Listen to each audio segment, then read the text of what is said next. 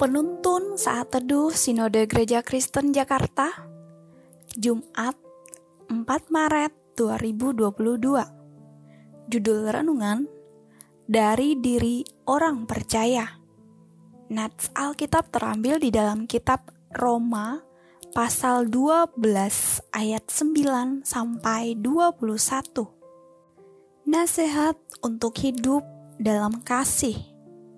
Hendaklah kasih itu jangan pura-pura. Jauhilah yang jahat dan lakukanlah yang baik. Hendaklah kamu saling mengasihi sebagai saudara dan saling mendahului dalam memberi hormat. Janganlah hendaknya kerajinanmu kendor, biarlah rohmu menyala-nyala dan layanilah Tuhan. Bersukacitalah dalam pengharapan, sabarlah dalam kesesakan, dan bertekunlah dalam doa. Bantulah dalam kekurangan orang-orang kudus, dan usahakanlah dirimu untuk selalu memberikan tumpangan. Berkatilah siapa yang menganiaya kamu, berkatilah dan jangan mengutuk. Bersukacitalah dengan orang-orang yang bersukacita, dan menangislah dengan orang yang menangis. Hendaklah kamu sehati sepikir dalam hidupmu bersama. Janganlah kamu memikirkan perkara-perkara yang tinggi, tetapi arahkanlah dirimu kepada perkara-perkara yang sederhana Janganlah menganggap dirimu pandai. Janganlah membalas kejahatan dengan kejahatan. Lakukanlah apa yang baik bagi semua orang. Sedapat-dapatnya, kalau hal itu bergantung padamu, hiduplah dalam perdamaian dengan semua orang. Saudara-saudaraku yang kekasih, janganlah kamu sendiri menuntut pembalasan. Tetapi berilah tempat kepada murka Allah, sebab ada tertulis, pembalasan itu adalah hakku. Akulah yang akan menuntut pembalasan. Firman Tuhan. Tetapi jika seterummu lapar, berilah dia makan. Jika ia haus, berilah dia minum.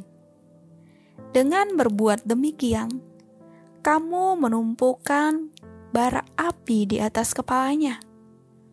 Janganlah kamu kalah terhadap kejahatan, tetapi kalahkanlah kejahatan dengan kebaikan. Saat menyiapkan renungan ini, saya membaca sebuah tulisan yang mengangkat perkataan seorang jenderal Amerika yang bernama Jenderal Douglas MacArthur.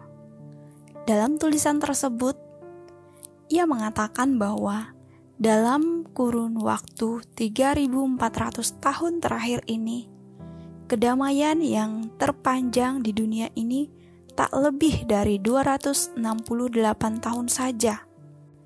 Selebihnya dalam kehidupan manusia adalah sejarah kekacauan dan peperangan belaka. Dengan kata lain, sejarah manusia lebih banyak dipenuhi oleh kekacauan, kebencian, dan peperangan dibandingkan dengan kedamaian. Mengapa bisa demikian? Bukankah Allah menghendaki umatnya menjadi duta-duta perdamaian?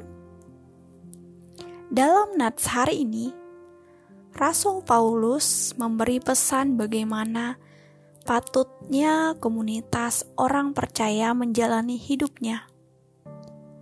Apa sajakah itu? Jangan jadi orang yang pura-pura baik, tapi sesungguhnya jahat. Saling mengasihi sebagai saudara dan saling mendahului, memberi hormat. Berkomitmen untuk menolong orang yang dalam kesusahan memberkati orang yang jahat kepada kita, dan tidak mengutuk mereka. Memiliki empati terhadap orang lain, hidup rukun, rendah hati, dan tidak menganggap diri lebih hebat dari orang lain. Tidak membalas kejahatan dengan kejahatan, melainkan dengan kebaikan. Tetap memberi bantuan, bahkan kepada musuh kita sekalipun. Ini pesan penting yang meneladani bentuk ajaran Tuhan Yesus yang penuh kasih itu.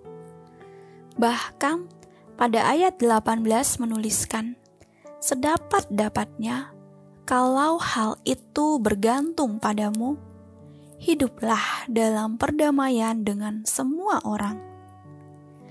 Perhatikan bahwa sebagai murid Kristus, kita tidak diajarkan untuk membenci orang yang memusuhi kita. Tapi pertanyaannya, mengapa masih ada pertikaian di tengah-tengah komunitas Kristen?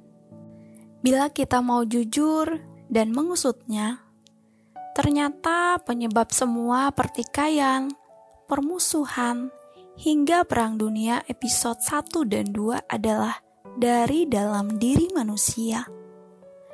Andaikan saja semua orang mau belajar hidup seperti Kristus hidup, maka kita bisa menghadirkan damai dalam keseharian kita.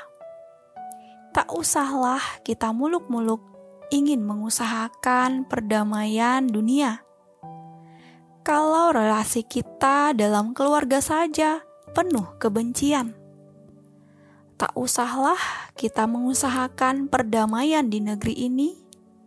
Kalau sesama anggota jemaat saja gontok-gontokan, marilah kita terus-menerus memohon belas kasihannya untuk belajar menjadi duta-duta kerajaan surga dan menghadirkan damai di bumi seperti di surga. Karena kasih Kristus adalah kasih yang memperdamaikan manusia dengan Allah, maka marilah kita belajar memberi diri kita untuk terus-menerus diperbaharui di dalam kasih Kristus. Amin.